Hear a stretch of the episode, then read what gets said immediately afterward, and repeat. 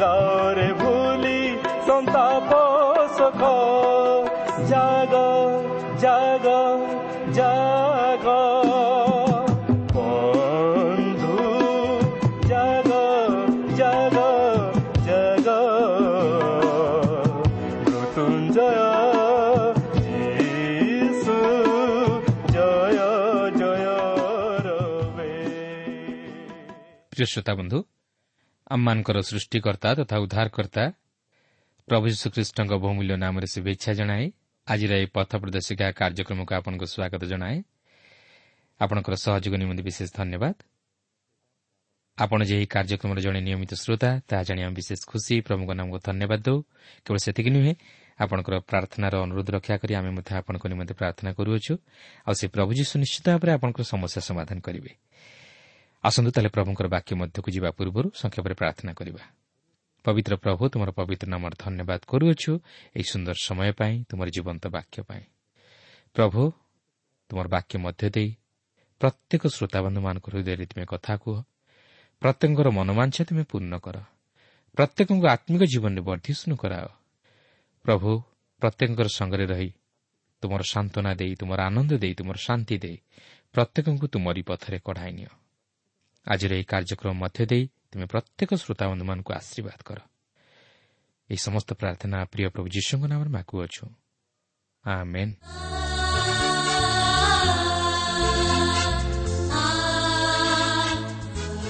ଆସନ୍ତୁ ବର୍ତ୍ତମାନ ଆମେ ପ୍ରଭୁଙ୍କର ବାକ୍ୟ ମଧ୍ୟକୁ ଯିବା। ଆଜି ଆମେ ଦ୍ୱିତୀୟ ବିବରଣ ପୁସ୍ତକର ଏଗାର ପର୍ବର ପ୍ରଥମ ପଦରୁ ଆରମ୍ଭ କରି ବାର ପର୍ବର ଚାରିପଦ ପର୍ଯ୍ୟନ୍ତ ଅଧ୍ୟୟନ କରିବା ନିମନ୍ତେ ଯିବା। ଏହି ପର୍ବରେ ସେହି କିଣା ଦେଶକୁ ଅଧିକାର କରି ତହିଁରେ ବସବାସ କରିବା ନେଇ କେତେକ ନିୟମ ଈଶ୍ୱର ପ୍ରଦାନ କରନ୍ତି ଯାହାକୁ ପାଳନ କରିବା ଦ୍ୱାରା ସେମାନେ ଯେ ଆଶୀର୍ବାଦର ଅଧିକାରୀ ହେବାକୁ ଥିଲା ଏହା ଈଶ୍ୱର ମୂଷାଙ୍କ ଦ୍ୱାରା ଇସ୍ରାଏଲ୍ ଲୋକମାନଙ୍କ ନିକଟରେ ପ୍ରକାଶ କରନ୍ତି।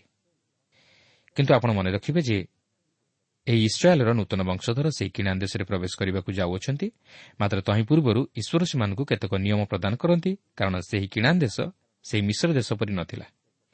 କାରଣ ଏହି କିଣା ଦେଶ ଏକ ପାର୍ବତ୍ୟ ଅଞ୍ଚଳ ଓ ସମସ୍ଥଳୀ ମଧ୍ୟ ଓ ତାହା ଆକାଶରୁ ବୃଷ୍ଟିଜଳ ପାନ କରେ। ତେଣୁ ଏହିପରି ଏକ ଦେଶରେ ସେମାନେ ଯେପରି ନିରାପଦରେ ତଥା ସୁଖରେ କାଳାତିପାତ କରିପାରନ୍ତି ଏଥିନିମନ୍ତେ ଈଶ୍ୱର ସେମାନଙ୍କୁ କେତେକ ନୀତି ନିୟମ ପ୍ରଦାନ କରିଥିଲେ ଯାହାକୁ ପାଳନ କରିବା ଦ୍ୱାରା ସେମାନେ ଈଶ୍ୱରଙ୍କର ଆଶୀର୍ବାଦ ଲାଭ କରି ସୁଖ ଓ ଶାନ୍ତିରେ କାଳାତିପାତ କରିପାରିବେ। ତେବେ ସେହି ସମସ୍ତ ନୀତି ନିୟମ କ'ଣ ତାହା ଆମେ ବର୍ତ୍ତମାନ ଅଧ୍ୟୟନ କରିବାକୁ ଯିବା। ଦେଖନ୍ତୁ ଏଗାର ପର୍ବର ପ୍ରଥମ ପଦରେ ଲେଖା ଅଛି ଏଦୁ ତୁମ୍ଭେ ସବୁବେଳେ ସଦାପ୍ରଭୁ ଆପଣା ପରମେଶ୍ୱରଙ୍କୁ ପ୍ରେମ କରିବ ଓ ତାହାଙ୍କ ରକ୍ଷଣୀୟ ଓ ବିଧି ଓ ଶାସନ ଓ ଆଜ୍ଞା ସକଳ ପାଳନ କରିବ। ଏହି ଅଂଶରେ ଆପଣ ଦେଖିବେ ଇସ୍ରାଏଲ୍ ସନ୍ତାନଗଣ ସେହି ଦେଶରେ ପ୍ରବେଶ କରିବାକୁ ଯିବା ପୂର୍ବରୁ ଈଶ୍ୱର ସେମାନଙ୍କୁ ସ୍ମରଣ କରାଇ ସତର୍କ କରାଇ ଦିଅନ୍ତି ଯେ ସେମାନେ ଯେପରି ଈଶ୍ୱରଙ୍କର ସେହି ଅସୀମ ପ୍ରେମକୁ ସ୍ମରଣ କରି ତାହାଙ୍କର ବାକ୍ୟର ବଶୀଭୂତ ହୋଇ ରହିବା ଦ୍ୱାରା ଆଶୀର୍ବାଦର ଅଧିକାରୀ ହୁଅନ୍ତି। କାରଣ ସେମାନଙ୍କର ଆଜ୍ଞାବହତା ଦ୍ୱାରା ସେମାନେ ଯେପରି ସେହି ଦେଶର ସମସ୍ତ ସୁଖ ସମ୍ଭୋଗକୁ ଉପଭୋଗ କରି ଦୀର୍ଘାୟୁ ହୁଅନ୍ତି ଏହା ଈଶ୍ୱର ଚାହିଁଥିଲେ। ତେଣୁକରି ଏହି ଏଗାର ପର୍ବର ଆଠରୁ ନଅ ପଦରେ ସେହିପରି କହନ୍ତି ଏ ନିମନ୍ତେ ଆଜି ମୁଁ ତୁମମାନଙ୍କୁ ଯେ ଯେ ଆଜ୍ଞା ଦେଉଅଛି ତୁମେମାନେ ସେସବୁ ଆଜ୍ଞା ପାଳନ କରିବ ତାହେଲେ ତୁମେମାନେ ବଳବାନ ହେବ। ପୁଣି ଯେଉଁ ଦେଶ ଅଧିକାର କରିବାକୁ ପାର ହୋଇଯାଉଅଛ ତହିଁରେ ପ୍ରବେଶ କରି ଅଧିକାର କରିବ। ଆଉ ସଦାପ୍ରଭୁ ତୁମମାନଙ୍କ ପୂର୍ବପୁରୁଷମାନଙ୍କୁ ଓ ସେମାନଙ୍କ ବଂଶକୁ ଯେଉଁ ଦେଶ ଦେବା ପାଇଁ ଶପଥ କରିଅଛନ୍ତି ସେହି ଦୁଗ୍ଧମଧୁ ପ୍ରଭାଇ ଦେଶରେ ତୁମେମାନେ ଆପଣମାନଙ୍କ ଦିନ ବଢ଼ାଇ ପାରିବ। ଦେଖନ୍ତୁ ଏହି ଅଂଶରେ ଆପଣ ଲକ୍ଷ୍ୟ କରିବେ ସେମାନଙ୍କର ଆଜ୍ଞାବହତା ଉପରେ ତିନୋଟି ବିଷୟ ନିର୍ଭର କରୁଥିଲା। ପ୍ରଥମେ ବଳବାନ ହେବା ଦ୍ୱିତୀୟରେ ଦେଶ ଅଧିକାର କରିବା ଓ ତୃତୀୟରେ ଦୀର୍ଘାୟୁ ହେବା। ବାସ୍ତବରେ ପ୍ରିୟ ବନ୍ଧୁ ଆଜି ଅନେକ ଶାରୀରିକ ଜୀବନରେ ବଳବାନ ହେବା ନିମନ୍ତେ ଅନେକ ପ୍ରକାର ବ୍ୟାୟାମ ଓ କସରତ କରନ୍ତି। ସେମାନେ ନିଜର ଶରୀରକୁ ବଳବନ୍ତ କରିବା ନିମନ୍ତେ ଅନେକ ପ୍ରକାର ପୁଷ୍ଟିକର ଖାଦ୍ୟଦ୍ରବ୍ୟ ଭୋଜନ କରନ୍ତି। ମାତ୍ର ଈଶ୍ୱରଙ୍କ ବାକ୍ୟକୁ ଧ୍ୟାନ କରନ୍ତି ନାହିଁ। ଯେଉଁ ଈଶ୍ୱର ଏହି ଶରୀରକୁ ସୃଷ୍ଟି କଲେ ତାହାଙ୍କୁ ସ୍ମରଣ କରନ୍ତି ନାହିଁ କି ତାହାଙ୍କର ଆଜ୍ଞାକୁ ପାଳନ କରନ୍ତି ନାହିଁ। ସେମାନେ ନିଜର ଶକ୍ତି ଉପରେ ନିର୍ଭର କରି ବଳବାନ ହେବାକୁ ଚାହାନ୍ତି। ମାତ୍ର ସେମାନେ ବିଫଳ ହୁଅନ୍ତି। ସେମାନେ ଆଶୀର୍ବାଦରୁ ବଞ୍ଚିତ ହୁଅନ୍ତି। ସେମାନେ ଦୀର୍ଘଜୀବୀ ହୋଇପାରନ୍ତି ନାହିଁ। କାରଣ ଦୀର୍ଘାୟୁ ହେବା ମଧ୍ୟ ଈଶ୍ୱରଙ୍କର ଆଶୀର୍ବାଦ। ତେଣୁକରି ପ୍ରିୟ ବନ୍ଧୁ ଆପଣ ଯଦି ବାସ୍ତବରେ ଏହି ଜଗତରେ ଏକ ବିଜୟୀ ଜୀବନ ଯାପନ କରିବାକୁ ଚାହାନ୍ତି ଓ ଈଶ୍ୱରଙ୍କର ଆଶୀର୍ବାଦର ଅଧିକାରୀ ହୋଇ ଦୀର୍ଘାୟୁ ହେବା ପାଇଁ ଚାହାନ୍ତି ତାହେଲେ ଈଶ୍ୱରଙ୍କ ବାକ୍ୟରେ ମନୋଯୋଗୀ ହୋଇ ତାହାଙ୍କର ବାକ୍ୟ ଅନୁଯାୟୀ ଜୀବନଯାପନ କରନ୍ତୁ ତାହେଲେ ଆପଣ ଈଶ୍ୱରଙ୍କର ପ୍ରକୃତ ଆଶୀର୍ବାଦର ଅଧିକାରୀ ହୋଇ ଏହି ଜଗତରେ ସୁଖ ଓ ଶାନ୍ତିରେ ଜୀବନ ଅତିବାହିତ କରିପାରିବେ। କିନ୍ତୁ ଏଠାରେ ମୁଁ ଆପଣଙ୍କୁ କହି ରଖେ ଯେ ଈଶ୍ୱରଙ୍କର ବାକ୍ୟକୁ ଗ୍ରହଣ କରି ସେହି ବାକ୍ୟ ଅନୁଯାୟୀ ଜୀବନଯାପନ କରିବାର ଅର୍ଥ ପ୍ରଭୁ ଯୀଶୁଖ୍ରୀଷ୍ଟଙ୍କୁ ନିଜ ହୃଦୟରେ ଗ୍ରହଣ କରି ତାହାଙ୍କର ଅନୁଗମନ କରିବା। କାରଣ ପ୍ରଭୁ ଯୀଶୁଖ୍ରୀଷ୍ଟ ନିଜେ ହେଉଛନ୍ତି ଈଶ୍ୱରଙ୍କର ବାକ୍ୟ। ସେଥିପାଇଁ ଜୋହନ ପ୍ରଥମ ପର୍ବର ପ୍ରଥମ ଦୁଇ ପଦରେ ଏହିପରି ଲେଖା ଅଛି ଆଦ୍ୟରେ ବାକ୍ୟ ଥିଲେ ବାକ୍ୟ ଈଶ୍ୱରଙ୍କ ସଙ୍ଗରେ ଥିଲେ ସେହି ବାକ୍ୟ ଈଶ୍ୱର ଥିଲେ। ସେ ଆଦ୍ୟରେ ଈଶ୍ୱରଙ୍କ ସହିତ ଥିଲେ। ପୁନଶ୍ଚ ସେହି ପ୍ରଥମ ପର୍ବର ଚଉଦ ପଦରେ ଲେଖା ଅଛି ଆଉ ସେହି ବାକ୍ୟ ଦେହବନ୍ତ ହେଲେ ପୁଣି ଅନୁଗ୍ରହ ଓ ସତ୍ୟରେ ପରିପୂର୍ଣ୍ଣ ହୋଇ ଆମ୍ଭମାନଙ୍କ ମଧ୍ୟରେ ବାସ କଲେ। ଆଉ ପିତାଙ୍କଠାରୁ ଆଗତ ଅଦ୍ୱିତୀୟ ପୁତ୍ରଙ୍କ ମହିମା ସଦୃଶ ଆମ୍ଭେମାନେ ତାହାଙ୍କ ମହିମା ଦେଖିଲୁ। ତେଣୁ ପ୍ରିୟ ବନ୍ଧୁ ଯେପର୍ଯ୍ୟନ୍ତ ଆପଣ ପ୍ରଭୁ ଯୀଶୁଖ୍ରୀଷ୍ଟଙ୍କୁ ନିଜ ହୃଦୟ ମଧ୍ୟରେ ଗ୍ରହଣ କରିନାହାନ୍ତି ସେ ପର୍ଯ୍ୟନ୍ତ ଆପଣ କେବେ ହେଲେ ତାଙ୍କର ଆଜ୍ଞାବହ ହୋଇ ତାଙ୍କର ଅଭିମତ ଅନୁଯାୟୀ ଜୀବନଯାପନ କରିବା ନିମନ୍ତେ ସମର୍ଥ ହୋଇପାରିବେ ନାହିଁ। ତେଣୁକରି ପ୍ରଭୁ ଯୀଶୁ କହନ୍ତି ଯେ ମୋଠାରେ ବିଶ୍ୱାସ କରେ ସେ ମୋଠାରେ ବିଶ୍ୱାସ କରେ ନାହିଁ ମାତ୍ର ମୋର ପ୍ରେରଣକର୍ତ୍ତାଙ୍କଠାରେ ବିଶ୍ୱାସ କରେ। ଆଉ ଯିଏ ମୋତେ ଦର୍ଶନ କରେ ସେ ମୋର ପ୍ରେରଣକର୍ତ୍ତାଙ୍କୁ ଦର୍ଶନ କରେ। ତେଣୁ ପ୍ରଭୁ ଯୀଶୁଖ୍ରୀଷ୍ଟଙ୍କୁ ନିଜ ହୃଦୟରେ ବ୍ୟକ୍ତିଗତ ଉଦ୍ଧାରକର୍ତ୍ତା ରୂପେ ଗ୍ରହଣ କରି ତାଙ୍କର ସହିତ ଜୀବନଯାପନ କରନ୍ତୁ ତାହେଲେ ଆପଣଙ୍କର ଜୀବନରେ ଅସାଧ୍ୟ କାର୍ଯ୍ୟ ସାଧନ ହୋଇପାରିବ ଓ ଆପଣ ଶୈତାନର ପରୀକ୍ଷା ଓ ପ୍ରଲୋଭନ ଉପରେ ବିଜୟୀ ଜୀବନଯାପନ କରିପାରିବେ ଓ ସେଥିସହିତ ଈଶ୍ୱରଙ୍କର ଆଶୀର୍ବାଦର ଅଧିକାରୀ ହୋଇପାରିବେ। ସେଦିନ ଯେପରି ଈଶ୍ୱର ମୂଷାଙ୍କ ଦ୍ୱାରା ଇସ୍ରାଏଲ୍ ଜାତି ନିକଟରେ ଆପଣାର ବାକ୍ୟ ପ୍ରକାଶ କଲେ ଆଜି ମଧ୍ୟ ସେ ତାହାଙ୍କର ପ୍ରିୟ ପୁତ୍ର ପ୍ରଭୁ ଯୀଶୁଖ୍ରୀଷ୍ଟଙ୍କ ଦ୍ୱାରା ଆମମାନଙ୍କର ନିକଟରେ ତାହାଙ୍କର ବାକ୍ୟ ପ୍ରକାଶ କରିଅଛନ୍ତି। ଯଦି ଆମେ ପ୍ରଭୁ ଯୀଶୁଖ୍ରୀଷ୍ଟଙ୍କୁ ଗ୍ରହଣ କରିଅଛୁ ତାହେଲେ ଆମେ ଈଶ୍ୱରଙ୍କୁ ମଧ୍ୟ ଗ୍ରହଣ କରିଅଛୁ। କିନ୍ତୁ ଯଦି ଆମେ ପ୍ରଭୁ ଯୀଶୁଙ୍କଠାରେ ବିଶ୍ୱାସ କରି ତାହାଙ୍କୁ ନିଜ ହୃଦୟରେ ଗ୍ରହଣ କରିନାହୁଁ ତାହେଲେ ଆମେ ଈଶ୍ୱରଙ୍କ ବାକ୍ୟରେ ବିଶ୍ୱାସ କରୁନାହୁଁ କି ତାହାଙ୍କୁ ମଧ୍ୟ ଗ୍ରହଣ କରିନାହୁଁ। ତେଣୁ ଆମେ କେବେ ହେଲେ ସତ୍ୟ ଈଶ୍ୱରଙ୍କର ପରିଚୟ ପାଇପାରିବା ନାହିଁ କି ପାପରୁ ଉଦ୍ଧାର ମଧ୍ୟ ପାଇପାରିବା ନାହିଁ। ସେଥିପାଇଁ ମୋର ଅନୁରୋଧ ଆପଣ ପ୍ରଭୁ ଯୀଶୁଖ୍ରୀଷ୍ଟଙ୍କଠାରେ ବିଶ୍ୱାସ କରି ତାହାଙ୍କର ଆଜ୍ଞା ଅନୁଯାୟୀ ଜୀବନଯାପନ କରି ତାହାଙ୍କର ଅନୁଗମନ କରନ୍ତୁ ତାହେଲେ ଆପଣ ସତ୍ୟ ଈଶ୍ୱରଙ୍କର ପରିଚୟ ପାଇପାରିବେ ଓ ଜୀବନରେ ସେହି ଆତ୍ମିକ ଆଶୀର୍ବାଦର ଅଧିକାରୀ ହୋଇପାରିବେ। ଆସନ୍ତୁ ଏହାପରେ ସେହି କିଣା ଦେଶ ଉପରେ ଟିକେ ଦୃଷ୍ଟି ଦେବା। ଯାହାକୁ ମଧ୍ୟ ପାଲେଷ୍ଟାଇନ୍ ଦେଶ ବୋଲି କହନ୍ତି। କାରଣ ଏହି ଦେଶ ମିଶ୍ର ଦେଶ ପରି ନୁହେଁ ମାତ୍ର ଏକ ପାର୍ବତ୍ୟମୟ ଓ ସମସ୍ଥଳୀମୟ ଦେଶ ଓ ତାହା ଆକାଶରୁ ବୃଷ୍ଟିଜଳ ପାନ କରେ ଅର୍ଥାତ୍ ଏହି ଦେଶ ଉର୍ଦ୍ଧ୍ୱରୁ ଆଗତ ବୃଷ୍ଟିଜଳ ଉପରେ ନିର୍ଭର କରେ ଯାହାଫଳରେ ଇସ୍ରାଏଲ୍ ଜାତିକୁ ସେହି ଈଶ୍ୱରଙ୍କ ଉପରେ ନିର୍ଭର କରିବାକୁ ଥିଲା ଓ ତାହାଙ୍କର ଆଜ୍ଞାର ବଶୀଭୂତ ହୋଇ ରହିବାକୁ ଥିଲା। କାରଣ ଏହି ଦେଶକୁ ଈଶ୍ୱର ତାଙ୍କର ମନୋନୀତ ଜାତି ଇସ୍ରାଏଲ୍କୁ କଢ଼ାଇ ଆଣିବାର ପଛରେ ଏକ ବିଶେଷ କାରଣ ଥିଲା ତାହା ହେଉଛି ଯେ ସେମାନେ ଯେପରି ଈଶ୍ୱରଙ୍କ ଉପରେ ନିର୍ଭର କରି ତାହାଙ୍କର ବଶୀଭୂତ ହୋଇ ରହିବେ। ଦେଖନ୍ତୁ ଏଗାର ପର୍ବର ଦଶ ପଦରୁ ବାର ପଦ ମଧ୍ୟରେ ଏହିପରି ଲେଖା ଅଛି ତୁମେମାନେ ଯେଉଁ ମିଶର ଦେଶରୁ ବାହାର ହୋଇ ଆସିଲ ସେଠାରେ ବୀଜ ବୁଣି ଶାକ ଉଦ୍ୟାନ ତୁଲ୍ୟ ପାପ ଦ୍ୱାରା ଜଳସେଚନ କରୁଥିଲ। ମାତ୍ର ଯେଉଁ ଦେଶ ଅଧିକାର କରିବା ପାଇଁ ଯାଉଅଛ ତାହା ସେପରି ନୁହେଁ। ତୁମେମାନେ ଯେଉଁ ଦେଶ ଅଧିକାର କରିବାକୁ ପାର ହୋଇ ଯାଉଅଛ ତାହା ପର୍ବତ ଓ ସମସ୍ଥଳୀମୟ ଦେଶ। ପୁଣି ତାହା ଆକାଶରୁ ବୃଷ୍ଟିଜଳ ପାନ କରେ। ସେହି ଦେଶ ବିଷୟରେ ସଦାପ୍ରଭୁ ତୁମ ପରମେଶ୍ୱର ମନୋଯୋଗ କରନ୍ତି। ବର୍ଷର ଆରମ୍ଭରୁ ବର୍ଷର ଶେଷ ପର୍ଯ୍ୟନ୍ତ ସଦାପ୍ରଭୁ ତୁମ ପରମେଶ୍ୱରଙ୍କ ଦୃଷ୍ଟି ତହିଁ ଉପରେ ସର୍ବଦା ଥାଏ। ଲକ୍ଷ୍ୟ କରିବେ ମିଶ୍ର ଏପରି ଏକ ଦେଶ ଥିଲା ଯେଉଁ ଦେଶରେ ଏହି ଇସ୍ରାଏଲ୍ ସନ୍ତାନଗଣ ନିଜର ଚାଷବାସ ନିମନ୍ତେ ଉଠା ଜଳସେଚନ ଉପରେ ନିର୍ଭର କରୁଥିଲେ। ମାତ୍ର ଈଶ୍ୱର ସେମାନଙ୍କୁ ଏପରି ଏକ ଦେଶକୁ ନେଇଯାଉଛନ୍ତି ଯେଉଁଠାରେ ସେମାନେ ନିଜର ଚାଷବାସ ନିମନ୍ତେ ଆକାଶରୁ ନିର୍ଗତ ବୃଷ୍ଟିଜଳ ଉପରେ ନିର୍ଭର କରିବେ। ଅର୍ଥାତ୍ ସେହି ବୃଷ୍ଟିଜଳ ପାଇବା ନିମନ୍ତେ ଈଶ୍ୱରଙ୍କ ଉପରେ ନିର୍ଭର କରିବେ। କାରଣ ବର୍ଷର ଆରମ୍ଭରୁ ବର୍ଷର ଶେଷ ପର୍ଯ୍ୟନ୍ତ ଈଶ୍ୱରଙ୍କର ଦୃଷ୍ଟି ସେହି ଦେଶ ଉପରେ ସର୍ବଦା ଥାଏ। ଆପଣ ଦେଖନ୍ତୁ ଇସ୍ରାଏଲ୍ ଲୋକମାନେ ଯେଉଁ କିଣା ଦେଶରେ ପ୍ରବେଶ କରିବାକୁ ଯାଉଅଛନ୍ତି ତାହା ଚାଷବାସ ନିମନ୍ତେ ଟିକେ କଠିନ ଥିଲା କାରଣ ଏହା ପାହାଡ଼ିଆ ଭୂମି ଥିଲା ଓ ଏହି ଭୂମି ମଧ୍ୟ ଉର୍ଦ୍ଧ୍ୱରୁ ନିର୍ଗତ ବୃଷ୍ଟିଜଳ ଉପରେ ନିର୍ଭର କରୁଥିଲା। ଈଶ୍ୱର ଏହା ଜାଣି ଜାଣି ଏପରି କରିଥିଲେ ଯେପରି ସେମାନେ ସେହି ବୃଷ୍ଟିଜଳ ପାଇବା ନିମନ୍ତେ ତାହାଙ୍କ ଉପରେ ନିର୍ଭର କରିବେ ଯଦ୍ୱାରା ସେମାନେ ଏହିପରି ଭାବରେ ଈଶ୍ୱରଙ୍କର ନିକଟବର୍ତ୍ତୀ ହୋଇପାରିବେ। ତେଣୁକରି ଦେଖନ୍ତୁ ଏହି ଏଗାର ପର୍ବର ତେର ପଦରୁ ପନ୍ଦର ପଦ ମଧ୍ୟରେ ଲେଖା ଅଛି ଆଉ ତୁମେମାନେ ଆପଣା ଆପଣାର ସମସ୍ତ ଅନ୍ତଃକରଣ ଓ ସମସ୍ତ ପ୍ରାଣ ସହିତ ସଦାପ୍ରଭୁ ତୁମମାନଙ୍କ ପରମେଶ୍ୱରଙ୍କୁ ପ୍ରେମ କରିବାକୁ ଓ ତାହାଙ୍କୁ ସେବା କରିବାକୁ ଆଜି ଆମ୍ଭେ ଯେଉଁ ଆଜ୍ଞା ଦେଉଅଛୁ ତାହା ଯେବେ ଯତ୍ନପୂର୍ବକ ଶୁଣିବ ତେବେ ଆମ୍ଭେ ଉପଯୁକ୍ତ ସମୟରେ ତୁମ ଦେଶର ବୃଷ୍ଟି ଅର୍ଥାତ୍ ଆଦ୍ୟବୃଷ୍ଟି ଓ ଶେଷ ବୃଷ୍ଟି ପ୍ରଦାନ କରିବା। ତହିଁରେ ତୁମ୍ଭେ ଆପଣା ଶସ୍ୟ ଓ ଆପଣା ଦ୍ରାକ୍ଷାରସ ଓ ଆପଣା ତୈଳ ସଂଗ୍ରହ କରିପାରିବ। ପୁଣି ଆମ୍ଭେ ତୁମ ପଶୁଗଣ ନିମନ୍ତେ ତୁମ କ୍ଷେତ୍ରରେ ତୃଣ ଦେବା ଆଉ ତୁମେ ଭୋଜନ କରି ତୃପ୍ତ ହେବ। ଆପଣ ଦେଖନ୍ତୁ ଏହି ଦେଶ ଆଜି ମଧ୍ୟ ଛାରଖାର ଅବସ୍ଥା ମଧ୍ୟ ଦେଇ ଗତି କରୁଅଛି। ଯେହେତୁ ଈଶ୍ୱରଙ୍କ ବିଚାର ଏହି ଦେଶ ଉପରେ ବର୍ତ୍ତି ଅଛି। ଏବେ ମଧ୍ୟ ଜଳର ଅଭାବ ଓ ସେମାନେ ଜଳାଭାବ ସମସ୍ୟାର ସମ୍ମୁଖୀନ ହୁଅନ୍ତି। କାହିଁକି ଜାଣନ୍ତି? ଈଶ୍ୱର ସେମାନଙ୍କୁ କହିଥିଲେ ଯେ ସେମାନେ ସେହି ଆକାଶରୁ ନିର୍ଗତ ବୃଷ୍ଟି ଜଳ ଉପରେ ନିର୍ଭର କରିବେ। ତେଣୁ ଯଦି ସେମାନେ ଈଶ୍ୱରଙ୍କ ଉପରେ ନିର୍ଭର କରନ୍ତି ତାହେଲେ ସେ ସେମାନଙ୍କ ନିମନ୍ତେ ବୃଷ୍ଟି ବର୍ଷାଇବେ କିନ୍ତୁ ଦୁଃଖର ବିଷୟ ସେମାନେ ଈଶ୍ୱରଙ୍କ ଉପରେ ନିର୍ଭର କରିପାରିଲେ ନାହିଁ କି ତାହାଙ୍କର ବାକ୍ୟର ବଶୀଭୂତ ହୋଇ ରହିପାରିଲେ ନାହିଁ। ଆଜି ଯଦି ଆପଣ ସେହି ଦେଶ ପ୍ରତି ଲକ୍ଷ୍ୟ କରିବେ ତାହେଲେ ସେମାନଙ୍କର ଆତ୍ମିକ ଜୀବନର ଅବସ୍ଥାକୁ ଦେଖିପାରିବେ। ପ୍ରିୟ ବନ୍ଧୁ ବାସ୍ତବରେ ଈଶ୍ୱରଙ୍କର ଆଶୀର୍ବାଦ ନଥିଲେ ଆପଣ କେବେ ହେଲେ ସଫଳତା ଲାଭ କରିପାରିବେ ନାହିଁ। କୃଷି କ୍ଷେତ୍ରରେ ହେଉ ବିଦ୍ୟା ଅଧ୍ୟୟନ କ୍ଷେତ୍ରରେ ହେଉ ବା ଚାକିରି କ୍ଷେତ୍ରରେ ହେଉ ଆପଣ କେବେ ହେଲେ କୃତକାର୍ଯ୍ୟ ହୋଇପାରିବେ ନାହିଁ। ଆପଣ ନିଜର ଜମିରେ ଯଥେଷ୍ଟ ପରିଶ୍ରମ କରିବେ। ମାତ୍ର ଯଦି ଉପଯୁକ୍ତ ସମୟରେ ବୃଷ୍ଟି ନ ହେଲା ତାହେଲେ ଆପଣ କ'ଣ କରିବେ? ଆପଣଙ୍କର ସମସ୍ତ ପରିଶ୍ରମ ବ୍ୟର୍ଥ ହେବ। ଆଜି କେଉଁ ଅଞ୍ଚଳରେ ବନ୍ୟା ତ କେଉଁ ଅଞ୍ଚଳରେ ଜଳାଭାବ ହେତୁ ମରୁଡ଼ି ଦେଖାଦେଉଛି ଯଦ୍ୱାରା ଖାଦ୍ୟ ପଦାର୍ଥ ପ୍ରଚୁର ପରିମାଣରେ ଆମଦାନୀ ହୋଇପାରୁନାହିଁ। ତେଣୁକରି ଖାଦ୍ୟର ଅଭାବ ମଧ୍ୟ ଦେଖାଦେଉଛି। ଏହି ଖାଦ୍ୟର ଅଭାବ ହେତୁ ଆଜି ଅନେକ ଲୋକ କ୍ଷୁଧାରେ ପ୍ରାଣ ହରାଉଛନ୍ତି। ନାନା ପ୍ରକାର ଅନ୍ୟାୟ ଅନୀତି ଚାଲିଛି। ଖାଦ୍ୟ ପଦାର୍ଥରେ ଅପମିଶ୍ରଣ ହେଉଛି। ଲୋକେ ଉତ୍ତମ ଖାଦ୍ୟ ଖାଇବା ପରିବର୍ତ୍ତେ ବିଷାକ୍ତ ଖାଦ୍ୟ ଖାଇ ବିଭିନ୍ନ ପ୍ରକାର ରୋଗରେ ଆକ୍ରାନ୍ତ ହେଉଛନ୍ତି ଓ ଅନେକ ମଧ୍ୟ ମୃତ୍ୟୁବରଣ କରୁଅଛନ୍ତି। ଏସବୁ କାହିଁକି ଘଟୁଛି ବୋଲି କେବେ ନିଜକୁ ପ୍ରଶ୍ନ କରିଛନ୍ତି?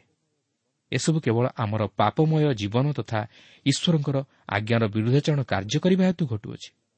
ଯେହେତୁ ଆମେ ଈଶ୍ୱରଙ୍କ ଉପରେ ନିର୍ଭର କରିବାକୁ ଚାହୁଁନା କି ତାହାଙ୍କ ବାକ୍ୟର ବାଧ୍ୟ ହେବାକୁ ଚାହୁଁନା ଆମେ ଭାବୁ ଆମେ ନିଜର ଶକ୍ତି ଓ ସାମର୍ଥ୍ୟ ଦ୍ୱାରା ସବୁକିଛି କରିପାରିବା।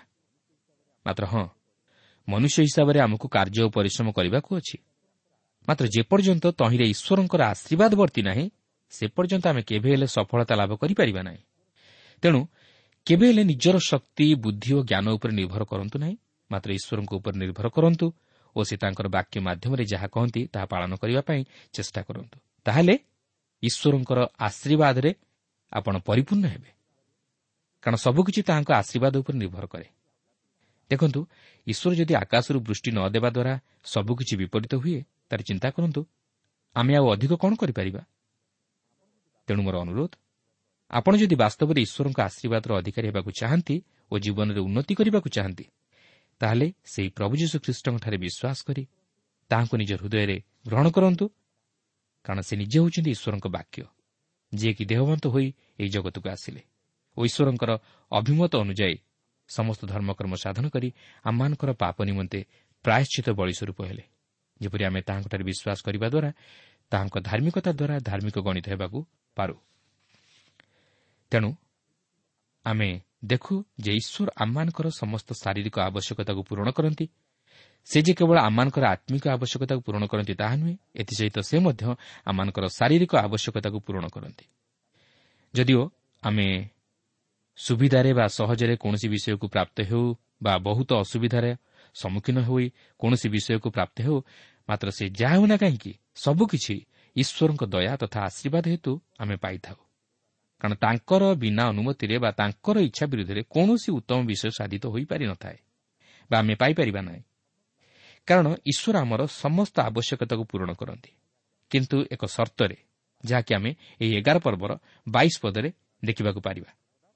ଲେଖା ଅଛି କାରଣ ସଦାପ୍ରଭୁ ତୁମାନଙ୍କ ପରମେଶ୍ୱରଙ୍କୁ ପ୍ରେମ କରିବାକୁ ତାହାଙ୍କ ସମସ୍ତ ପଥରେ ଚାଲିବାକୁ ଓ ତାହାଙ୍କଠାରେ ଦୃଢ଼ ରୂପେ ଆସକ୍ତ ହେବାକୁ ଏହି ଯେ ସମସ୍ତ ଆଜ୍ଞା ମୁଁ ତୁମମାନଙ୍କୁ ପାଳନ କରିବାକୁ ଦେଉଅଛି ତାହା ସବୁ ଯେବେ ତୁମମାନେ ଯତ୍ନପୂର୍ବକ ମାନ୍ୟ କରିବ। ଦେଖନ୍ତୁ ସେମାନଙ୍କର ଆଶୀର୍ବାଦର ଫଳ ସେମାନଙ୍କର ଈଶ୍ୱରଙ୍କ ପ୍ରତି ପ୍ରେମ ଓ ବାଧ୍ୟତା ଓ ତାହାଙ୍କ ସହିତ ସଂଯୁକ୍ତ ଜୀବନ ଉପରେ ନିର୍ଭର କରେ। ତାହେଲେ ସେମାନେ ସେହି ଆଶୀର୍ବାଦର ଫଳପ୍ରାପ୍ତ ହେବେ। କିନ୍ତୁ ଦୁଃଖର ବିଷୟ ମନୁଷ୍ୟ ଈଶ୍ୱରଙ୍କର ବାଧ୍ୟ ହୋଇ ରହିବା ପାଇଁ ଚାହେଁ ନାହିଁ କି ତାହାଙ୍କର ନିକଟବର୍ତ୍ତୀ ହେବାକୁ ଚାହେଁ ନାହିଁ। ତେଣୁକରି ସେ ଜୀବନରେ ସମସ୍ୟା ତଥା ବିଫଳତାର ସମ୍ମୁଖୀନ ହୁଏ। ସେଥିପାଇଁ ଆସନ୍ତୁ ନିଜ ନିଜର ଜୀବନକୁ ପ୍ରଭୁ ଯୀଶୁଙ୍କ ନିକଟରେ ସମର୍ପଣ କରି ଶାରୀରିକ ଜୀବନରେ ଓ ଆତ୍ମିକ ଜୀବନରେ ଈଶ୍ୱରଙ୍କର ଆଶୀର୍ବାଦର ଅଧିକାରୀ ହେବା ନିମନ୍ତେ ଚେଷ୍ଟା କରୁ। ତେବେ ପ୍ରଥମେ ଆମେ ଦେଖିବା ଯେ ସେମାନଙ୍କ ବାଧ୍ୟତାର ଫଳସ୍ୱରୂପେ ସେମାନେ କିପରି ଆଶୀର୍ବାଦର ଅଧିକାରୀ ହେବାକୁ ଥିଲା। ଏଗାର ପର୍ବର ତେଇଶରୁ ପଚିଶ ପଦ ମଧ୍ୟରେ ଏହିପରି ଲେଖା ଅଛି ତେବେ ସଦାପ୍ରଭୁ ତୁମାନଙ୍କ ସମ୍ମୁଖରୁ ଏହିସବୁ ଗୋଷ୍ଠୀ ଲୋକମାନଙ୍କୁ ତଳିଦେବେ ପୁଣି ତୁମେମାନେ ଆପଣମାନଙ୍କଠାରୁ ଅଧିକ ପ୍ରବଳ ଓ ବଳବାନ ଗୋଷ୍ଠୀ ଲୋକମାନଙ୍କୁ ଅଧିକାର କରିବ। ଯେଉଁ ଯେଉଁଠାରେ ତୁମାନଙ୍କର ତଳିପା ପଡ଼ିବ ସେ ପ୍ରତ୍ୟେକ ସ୍ଥାନ ତୁମାନଙ୍କର ହେବ ପ୍ରାନ୍ତର ଓ ଲିବାଲନ୍ଠାରୁ ନଦୀ ଅର୍ଥାତ୍ ଫରାତ ନଦୀଠାରୁ ପଶ୍ଚିମ ସମୁଦ୍ର ପର୍ଯ୍ୟନ୍ତ ତୁମାନଙ୍କର ସୀମା ହେବ। ତୁମାନଙ୍କ ସମ୍ମୁଖରେ କୌଣସି ମନୁଷ୍ୟ ଛିଡ଼ା ହେବାକୁ ସମର୍ଥ ହେବ ନାହିଁ। ତୁମେମାନେ ଯେଉଁ ଯେଉଁ ଦେଶରେ ପାଦ ପକାଇବ ସେ ସମସ୍ତ ଦେଶରେ ସଦାପ୍ରଭୁ ତୁମାନଙ୍କ ପରମେଶ୍ୱର ଆପଣା ବାକ୍ୟ ଅନୁସାରେ ତୁମାନଙ୍କ ବିଷୟକ ଆଶଙ୍କା ଓ ତୁମାନଙ୍କ ବିଷୟକ ତ୍ରାସ ଉପସ୍ଥିତ କରାଇବେ। ଏହି ଅଂଶରେ ଆପଣ ଦେଖିବେ ଭୂମି ହେଉଛି ଈଶ୍ୱରଙ୍କର ଦାନ। ଆମେ ଯେଉଁଠାରେ ବାସ କରୁଅଛୁ ବା ଯେଉଁ କ୍ଷେତକୁ ଚାଷ କରୁଅଛୁ ତାହା ମଧ୍ୟ ଈଶ୍ୱରଙ୍କର ଦାନ। ତେବେ ଏଠାରେ ଲକ୍ଷ୍ୟ କରିବାର ବିଷୟ ହେଉଛି ଯେ ସେମାନେ ଯେଉଁ ଦେଶକୁ ଅଧିକାର କରିବାକୁ ଯାଉଅଛନ୍ତି ସେହି ଦେଶ ଅତି ବୃହତ୍ ଓ ଶକ୍ତିଶାଳୀ ତଥା ସମ୍ଭ୍ରମଶାଳୀ ଦେଶ ଥିଲା ଯାହାକି ଈଶ୍ୱର ସେମାନଙ୍କୁ ଅଧିକାର କରିବାକୁ କହିଥିଲେ ଓ ସେଥିସହିତ ସେମାନେ ଯେ ସେମାନଙ୍କଠାରୁ ଅଧିକ ପ୍ରବଳ ଓ ବଳବାନ ଗୋଷ୍ଠୀୟ ଲୋକମାନଙ୍କୁ ଅଧିକାର କରିବେ ଏହା ମଧ୍ୟ ଈଶ୍ୱର ପ୍ରକାଶ କରନ୍ତି।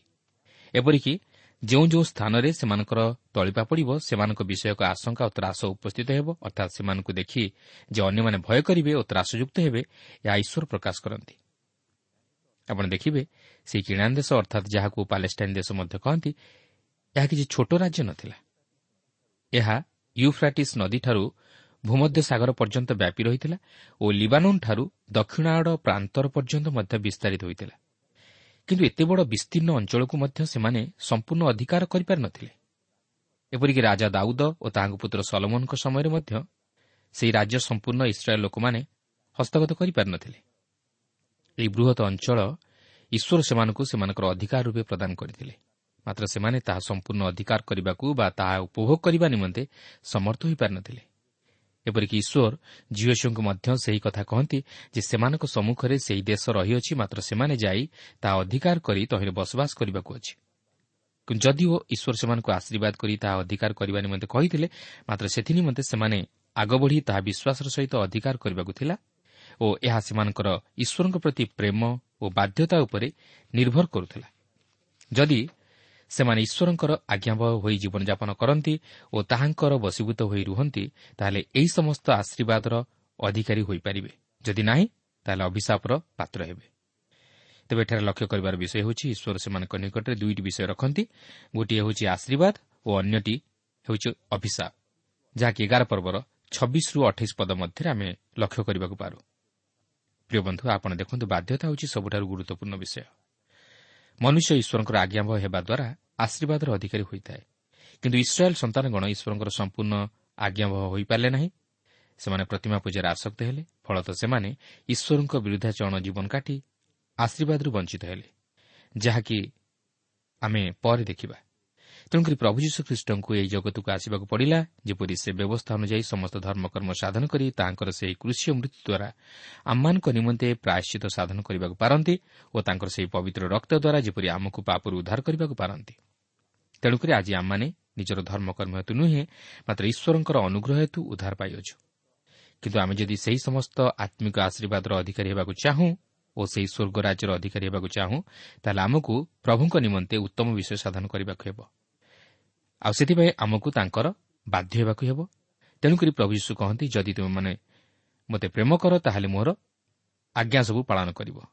କାରଣ ବାଧ୍ୟତା ଆମମାନଙ୍କୁ ଈଶ୍ୱରଙ୍କ ଆଶୀର୍ବାଦର ଅଧିକାରୀ କରାଇବା ସଙ୍ଗେ ସଙ୍ଗେ ଈଶ୍ୱରଙ୍କ ସହିତ ସହଭାଗିତା ସ୍ଥାପନ କରିବା ନିମନ୍ତେ ସାହାଯ୍ୟ କରିଥାଏ। କିନ୍ତୁ ଆମମାନଙ୍କର ଈଶ୍ୱରଙ୍କ ପ୍ରତି ଅବାଧ୍ୟତାର ଜୀବନ ଆମକୁ ସେହି ଅଭିଶାପର ଭାଗି କରାଇଥାଏ। ସେଦିନ ଯେପରି ସେ ଇସ୍ରାଏଲ୍ ସନ୍ତାନଗଣକୁ ପ୍ରତିମା ପୂଜା ନେଇ ବାରଣ କରିଥିଲେ। ଆଜି ମଧ୍ୟ ସେ ଆପଣଙ୍କୁ ମୋତେ ସେହି ପ୍ରତିମା ପୂଜା ନେଇ ବାରଣ କରନ୍ତି ଯେପରି ଆମେ ପ୍ରତିମା ପୂଜାରେ ଆସକ୍ତ ନ ହୋଇ ବା ତାହାକୁ ପ୍ରେମ ନ କରି ସତ୍ୟ ତଥା ଜୀବନ୍ତ ଈଶ୍ୱରଙ୍କୁ ପ୍ରେମ କରୁ ଓ ତାହାଙ୍କର ବାଧ୍ୟ ହୋଇ ଜୀବନଯାପନ କରୁ। ଏହାପରେ ଏହି ଏଗାର ପର୍ବର ଅଣତିରିଶରୁ ବତିଶ ପଦ ମଧ୍ୟରେ ଆମେ ସେହି ଆଶୀର୍ବାଦ ଅଭିଶାପର ବିଷୟରେ ଦେଖୁ। ତେବେ ଆମେ ତାହାକୁ ଆଉ ବର୍ତ୍ତମାନ ପାଠ କରିବାକୁ ଯିବା ନାହିଁ ମାତ୍ର ଏହାପରେ ଆମେ ବାର ପର୍ବଟିକୁ ଅଧ୍ୟୟନ କରିବାକୁ ଯିବା। ଏହି ପର୍ବରେ ମୁଖ୍ୟ ଆଲୋଚନାର ପ୍ରସଙ୍ଗ ହେଉଛି ଯେ ଇସ୍ରାଏଲ୍ ଲୋକମାନେ ସେହି କିଣା ଦେଶରେ ପ୍ରବେଶ କରି ଏକ ନିର୍ଦ୍ଦିଷ୍ଟ ସ୍ଥାନରେ କେବଳ ଈଶ୍ୱରଙ୍କର ଉପାସନା କରିବାକୁ ଥିଲା। ତେବେ ଆପଣଙ୍କ ମନରେ ପ୍ରଶ୍ନ ଉଠିପାରେ ଯେ ଈଶ୍ୱର କାହିଁ ସେମାନଙ୍କୁ କେବଳ ଏକ ନିର୍ଦ୍ଦିଷ୍ଟ ସ୍ଥାନରେ ଉପାସନା କରିବା ପାଇଁ କହିଥିଲେ? କାହିଁକି ଭିନ୍ନ ଭିନ୍ନ ସ୍ଥାନରେ ନୁହେଁ? ତେବେ ଏହାର କାରଣ ହେଉଛି ଯେ ସେହି ସମୟରେ ସେହି ସବୁ ସ୍ଥାନମାନଙ୍କରେ ପ୍ରତିମା ପୂଜା ଲାଗି ସେହିସବୁ ସ୍ଥାନ ଅପବିତ୍ର ହେବାରୁ ସେମାନେ ଏକ ନିର୍ଦ୍ଦିଷ୍ଟ ସ୍ଥାନରେ ଉପାସନା କରିବାକୁ ଥିଲା। ଆପଣ ଦେଖିବେ ଯେ ଇସ୍ରାଏଲ୍ ଲୋକମାନଙ୍କର ପରବର୍ତ୍ତୀ ଜୀବନରେ ଈଶ୍ୱର ଜିରୁସାଲମକୁ ଏକ ନିର୍ଦ୍ଦିଷ୍ଟ ଉପାସନାର ସ୍ଥଳୀ ରୂପେ ମନୋନୀତ କରିଥିଲେ। ଯେଉଁ ସ୍ଥାନରେ କି ସେହି ମନ୍ଦିର ନିର୍ମିତ ହେବାକୁ ଥିଲା। କାରଣ ସେମାନେ ସେହି ଦେଶରେ ସେହି ସମସ୍ତ ପ୍ରତିମା ପୂଜାର ସ୍ଥଳୀକୁ ବିନାଶ ନ କରିବାରୁ ସେମାନେ କେବଳ ଗୋଟିଏ ସ୍ଥାନରେ ଉପାସନା କରିବା ନିମନ୍ତେ ଅନୁମତି ପାଇଥିଲେ। କିନ୍ତୁ ବର୍ତ୍ତମାନ ସେପରି ନୁହେଁ। ବର୍ତ୍ତମାନ କେହି ଏକ ନିର୍ଦ୍ଦିଷ୍ଟ ସ୍ଥାନରେ ଉପାସନା କରିବା ନିମନ୍ତେ ଏକତ୍ରିତ ହୁଅନ୍ତି ନାହିଁ। ଏହାର କାରଣ ମଧ୍ୟ ପ୍ରଭୁ ଯୀଶୁ ପ୍ରକାଶ କରିଅଛନ୍ତି ଯାହାକି ଆମେ ଜୋହନ ଚାରି ପର୍ବର ଏକୋଇଶରୁ ଚବିଶ ପଦ ମଧ୍ୟରେ ଲକ୍ଷ୍ୟ କରିବାକୁ ପାରୁ। ତେଣୁକରି ପ୍ରିୟ ବନ୍ଧୁ ବର୍ତ୍ତମାନ ଖ୍ରୀଷ୍ଟ ବିଶ୍ୱାସୀମାନେ କେବଳ ଏକ ନିର୍ଦ୍ଦିଷ୍ଟ ସ୍ଥାନରେ ଉପାସନା କରିବା ନିମନ୍ତେ ଏକତ୍ରିତ ହୁଅନ୍ତି ନାହିଁ ମାତ୍ର ସେମାନେ ବିଭିନ୍ନ ସ୍ଥାନରେ ସମବେତ ଭାବରେ ଏକତ୍ରିତ ହୋଇ ଈଶ୍ୱରଙ୍କର ଉପାସନା କରନ୍ତି ଯେହେତୁ ସେମାନେ ପ୍ରଭୁ ଯୀଶୁଖ୍ରୀଷ୍ଟଙ୍କଠାରେ ଏକତ୍ରିତ ହୁଅନ୍ତି ଓ ତାହାଙ୍କ ନାମରେ ପିତା ଈଶ୍ୱରଙ୍କ ନିକଟରେ ନିବେଦନ ଜଣାନ୍ତି ଓ ପିତା ଈଶ୍ୱରଙ୍କର ଉପାସନା କରନ୍ତି। ଯେହେତୁ ସ୍ଥାନ ଗୁରୁତ୍ୱପୂର୍ଣ୍ଣ ନୁହେଁ ବା ଉପାସନାର କେନ୍ଦ୍ରସ୍ଥଳୀ ଗୁରୁତ୍ୱପୂର୍ଣ୍ଣ ନୁହେଁ ମାତ୍ର ଖ୍ରୀଷ୍ଟ ହେଉଛନ୍ତି ଗୁରୁତ୍ୱପୂର୍ଣ୍ଣ ଓ ସେ ଉପାସନାର କେନ୍ଦ୍ରବିନ୍ଦୁ ତେଣୁକରି ଆପଣ ଦେଖିବେ ବର୍ତ୍ତମାନ ବିଭିନ୍ନ ସ୍ଥାନରେ ଖ୍ରୀଷ୍ଟୀୟ ମଣ୍ଡଳୀଗୁଡ଼ିକ ଗଠିତ ହୋଇଅଛି ବା ଗୀର୍ଜାଗୃହ ନିର୍ମିତ ହୋଇଅଛି ଯେଉଁ ସ୍ଥାନରେ ଖ୍ରୀଷ୍ଟଙ୍କୁ କେନ୍ଦ୍ର କରି ଖ୍ରୀଷ୍ଟ ବିଶ୍ୱାସୀମାନେ ସମବେତ ଭାବରେ ଈଶ୍ୱରଙ୍କର ଉପାସନା କରନ୍ତି। କାରଣ ଖ୍ରୀଷ୍ଟ ହେଉଛନ୍ତି ଖ୍ରୀଷ୍ଟୀୟ ମଣ୍ଡଳୀର ମସ୍ତକ ସ୍ୱରୂପ। ଯଦି ଖ୍ରୀଷ୍ଟଙ୍କ ବିନା ଆପଣ ଅନ୍ୟ କୌଣସି ମାଧ୍ୟମରେ ଆପଣ ଈଶ୍ୱରଙ୍କର ନିକଟବର୍ତ୍ତୀ ହୋଇ ତାହାଙ୍କର ଉପାସନା କରିବାକୁ ଚାହାନ୍ତି ତାହେଲେ ତାହା ପ୍ରତିମା ପୂଜା ତୁଲ୍ୟ ହେବ ଓ ଆପଣ କେବେ ହେଲେ ସତ୍ୟ ଈଶ୍ୱରଙ୍କର ପରିଚୟ ପାଇବେ ନାହିଁ କି ଆପଣଙ୍କର ସେବା ପୂଜା ଓ ଆରାଧନା ତାହାଙ୍କ ନିକଟରେ ଗ୍ରହଣଯୋଗ୍ୟ ହେବ ନାହିଁ। ବରଂ ଆପଣ ଆଶୀର୍ବାଦ ପରିବର୍ତ୍ତେ ଅଭିଶାପ ପାଇବେ। ତେବେ ଈଶ୍ୱର ଏକ ନିର୍ଦ୍ଦିଷ୍ଟ ସ୍ଥାନରେ ଉପାସନା କରିବା ନେଇ ଇସ୍ରାଏଲ୍ ଲୋକମାନଙ୍କୁ ଏହିପରି କହନ୍ତି ଯାହାକି ଦ୍ୱିତୀୟ ବିବରଣ ପୁସ୍ତକ ବାର ପର୍ବର ପ୍ରଥମ ଚାରିପଦରେ ଲେଖା ଅଛି। ସଦାପ୍ରଭୁ ତୁମ ପୂର୍ବପୁରୁଷମାନଙ୍କ ପରମେଶ୍ୱର ତୁମକୁ ଯେଉଁ ଦେଶ ଅଧିକାର ନିମନ୍ତେ ଦେଇଅଛନ୍ତି ସେହି ଦେଶରେ ତୁମମାନଙ୍କର ପୃଥିବୀରେ ଜୀବିତ ଥିବା ସମସ୍ତ ଦିନ ଯେ ସକଳ ବିଧି ଓ ଶାସନ ମାନ୍ୟ କରି ପାଳନ କରିବାକୁ ହେବ ତାହା ଏହି ତୁମେମାନେ ଯେଉଁ ଯେଉଁ ଗୋଷ୍ଠୀୟ ଲୋକମାନଙ୍କୁ ଅଧିକାର କରିବ ସେମାନେ ଉଚ୍ଚ ପର୍ବତଗଣ ଉପରେ ଓ ଉପପର୍ବତ ସମୂହ ଉପରେ ଓ ପ୍ରତ୍ୟେକ ସତେଜ ବୃକ୍ଷ ତଳେ ଯେଉଁ ଯେଉଁ ସ୍ଥାନରେ ଆପଣା ଆପଣା ଦେବତାମାନଙ୍କୁ ପୂଜା କଲେ ସେହି ସକଳ ସ୍ଥାନ ନିଶ୍ଚୟ ବିନଷ୍ଟ କରିବ। ଆଉ ତୁମେମାନେ ସେମାନଙ୍କ ଯଜ୍ଞବିଧି ସକଳ ଭଗ୍ନ କରିବ ଓ ସେମାନଙ୍କ ସ୍ତମ୍ଭ ସକଳ ଭାଙ୍ଗି ପକାଇବ ଓ ଆସେରାର ମୂର୍ତ୍ତି ସକଳ ଅଗ୍ନିରେ ଦଗ୍ଧ କରିବ। ପୁଣି ତୁମେମାନେ ସେମାନଙ୍କ ଖୋଦିତ ଦେବ ପ୍ରତିମାମାନଙ୍କୁ ହାଣି ପକାଇବ ଆଉ ତୁମେମାନେ ସେହି ସ୍ଥାନରୁ ସେମାନଙ୍କ ନାମ ଲୋପ କରିବ। ତୁମେମାନେ ସଦାପ୍ରଭୁ ଆପଣା ପରମେଶ୍ୱରଙ୍କ ପ୍ରତି ସ୍ୱରୂପ କରିବ ନାହିଁ। ଏହି ଅଂଶରେ ଆପଣ ଲକ୍ଷ୍ୟ କରିପାରୁଥିବେ ଯେ ଇସ୍ରାଏଲ୍ ସନ୍ତାନଗଣ କାହିଁକି ଏକ ନିର୍ଦ୍ଦିଷ୍ଟ ସ୍ଥାନରେ ଈଶ୍ୱରଙ୍କୁ ଉପାସନା କରିବା ନିମନ୍ତେ ସମବେତ ହେବାକୁ ଥିଲା? କାରଣ ସେହି ଦେଶ ପ୍ରତିମା ପୂଜାରେ ପରିପୂର୍ଣ୍ଣ ଥିଲା ଯଦ୍ୱାରା ଈଶ୍ୱରଙ୍କ ପବିତ୍ର ଉପସ୍ଥିତି ସେହିସବୁ ସ୍ଥାନମାନଙ୍କରେ ନଥିଲା। ତେଣୁକରି ପରବର୍ତ୍ତୀ ସମୟରେ ଈଶ୍ୱର ସେହି କିଣା ଦେଶରେ ସେମାନଙ୍କ ନିମନ୍ତେ ଏକ ନିର୍ଦ୍ଦିଷ୍ଟ ସ୍ଥାନ ନିରୂପଣ କରିଥିଲେ ଯେଉଁ ସ୍ଥାନରେ କି ସେମାନେ ସମବେତ ଭାବରେ ଈଶ୍ୱରଙ୍କର ଉପାସନା କରିପାରିବେ। କିନ୍ତୁ ଆପଣ ଦେଖିବେ ବିଚାରକର୍ତ୍ତାମାନଙ୍କ ସମୟରେ ଇସ୍ରାଏଲ୍ ସନ୍ତାନଗଣଙ୍କ ଉପରେ ଗୋଟିଏ ପରେ ଗୋଟିଏ ଈଶ୍ୱରଙ୍କର ବିଚାର ଉପସ୍ଥିତ ହେବାର କାରଣ ହେଉଛି ଯେ ସେମାନେ ପ୍ରତିମା ପୂଜାରେ ଆସକ୍ତ ହେଲେ ଓ ଈଶ୍ୱରଙ୍କର ବିରୁଦ୍ଧାଚରଣ କାର୍ଯ୍ୟ କଲେ। ସେଥିପାଇଁ ଏଲିଓ ଭବିଷ୍ୟତ ବକ୍ତା ମଧ୍ୟ ସେହି ପ୍ରତିମା ପୂଜା ବିରୁଦ୍ଧରେ ପ୍ରଚାର କରିଥିଲେ। ଆପଣ ଦେଖନ୍ତୁ ଏହି ପ୍ରତିମା ପୂଜା ହେତୁ ଇସ୍ରାଏଲ୍ ସନ୍ତାନଗଣ ମଧ୍ୟ ବାବିଲୋନ୍କୁ ନିର୍ବାଚିତ ହୋଇଥିଲେ। ପୁରାତନ ନିୟମର ଶେଷ ପୁସ୍ତକ ଯାହାକି ମଲାଖି ପୁସ୍ତକ ସେହି ପୁସ୍ତକରେ ମଧ୍ୟ ପ୍ରତିମା ପୂଜାର ଭୟଙ୍କର ଫଳାଫଳ ପ୍ରକାଶ କରି ସେଥିଲାଗି ସତର୍କବାଣୀ ମଧ୍ୟ ପ୍ରଦାନ କରାଯାଇଅଛି ଏପରିକି ନୂତନ ନିୟମରେ ମଧ୍ୟ ପ୍ରେରିତ ପାଉଲ ସେହି ଆଥିନିକୁ ପ୍ରତିମା ପୂଜାରେ ପରିପୂର୍ଣ୍ଣ ଦେଖି ତଇଁ ବିରୁଦ୍ଧରେ ସାକ୍ଷ୍ୟ ଦେଇ ପ୍ରତିମା ପୂଜାରୁ ଦୂରେଇ ରହିବାକୁ କହନ୍ତି। ତେଣୁକରି ପ୍ରିୟ ବନ୍ଧୁ ଆମମାନେ ପ୍ରତିମା ପୂଜାରୁ ଦୂରରେ ରହିବା ଆବଶ୍ୟକ। ମାତ୍ର ଖ୍ରୀଷ୍ଟଙ୍କୁ ଗୌରବ ଦେବା ଆବଶ୍ୟକ। ପ୍ରଭୁ ପ୍ରତ୍ୟେକଙ୍କୁ ଆଶୀର୍ବାଦ କରନ୍ତୁ।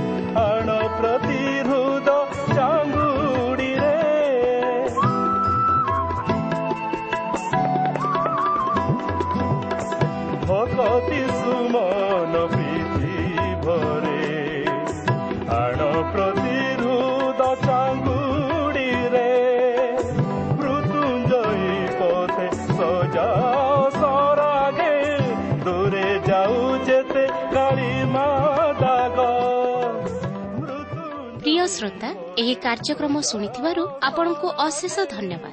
ଏହି କାର୍ଯ୍ୟକ୍ରମ ଆପଣଙ୍କୁ କିପରି ଲାଗିଲା ଓ କେଉଁ ବିଷୟଟି ଆପଣଙ୍କ ହୃଦୟକୁ ଅଧିକ ସ୍ପର୍ଶ କରିଛି ତାହା ଲେଖି ଜଣାଇଲେ ଆମେ ବିଶେଷ ଉପକୃତ ହେବୁ। ଯଦି କିଛି ପ୍ରଶ୍ନ ବା ସନ୍ଦେହ ଥାଏ ତାହା ପତ୍ର ମାଧ୍ୟମରେ ଅଥବା ଟେଲିଫୋନ୍ ଯୋଗେ ଆମକୁ ଜଣାନ୍ତୁ। ଆମର ଠିକଣା ପଥ ପ୍ରଦର୍ଶିକା Trans World Radio India post box number ତିନି ତିନି ଭୁବନେଶ୍ୱର ସାତ ପାଞ୍ଚ ଏକ ଶୂନ ଶୂନ ଏକ। mobile number nine seven double seven double two one four one five ଠିକଣାଟି ଆଉଥରେ ଶୁଣନ୍ତୁ ପଥ ପ୍ରଦର୍ଶିକା Trans World radio India post box number three three Bhubaneswar seven five one zero zero one mobile number nine seven double seven double two one four one five ଆମର email ଆଡ୍ରେସ୍ଟି ଲେଖି ରଖନ୍ତୁ Odia TTV at radio eight eight two dot com ତେବେ ଆଜି ପାଇଁ ଏଠାରେ ରଖୁଛୁ। ନମସ୍କାର।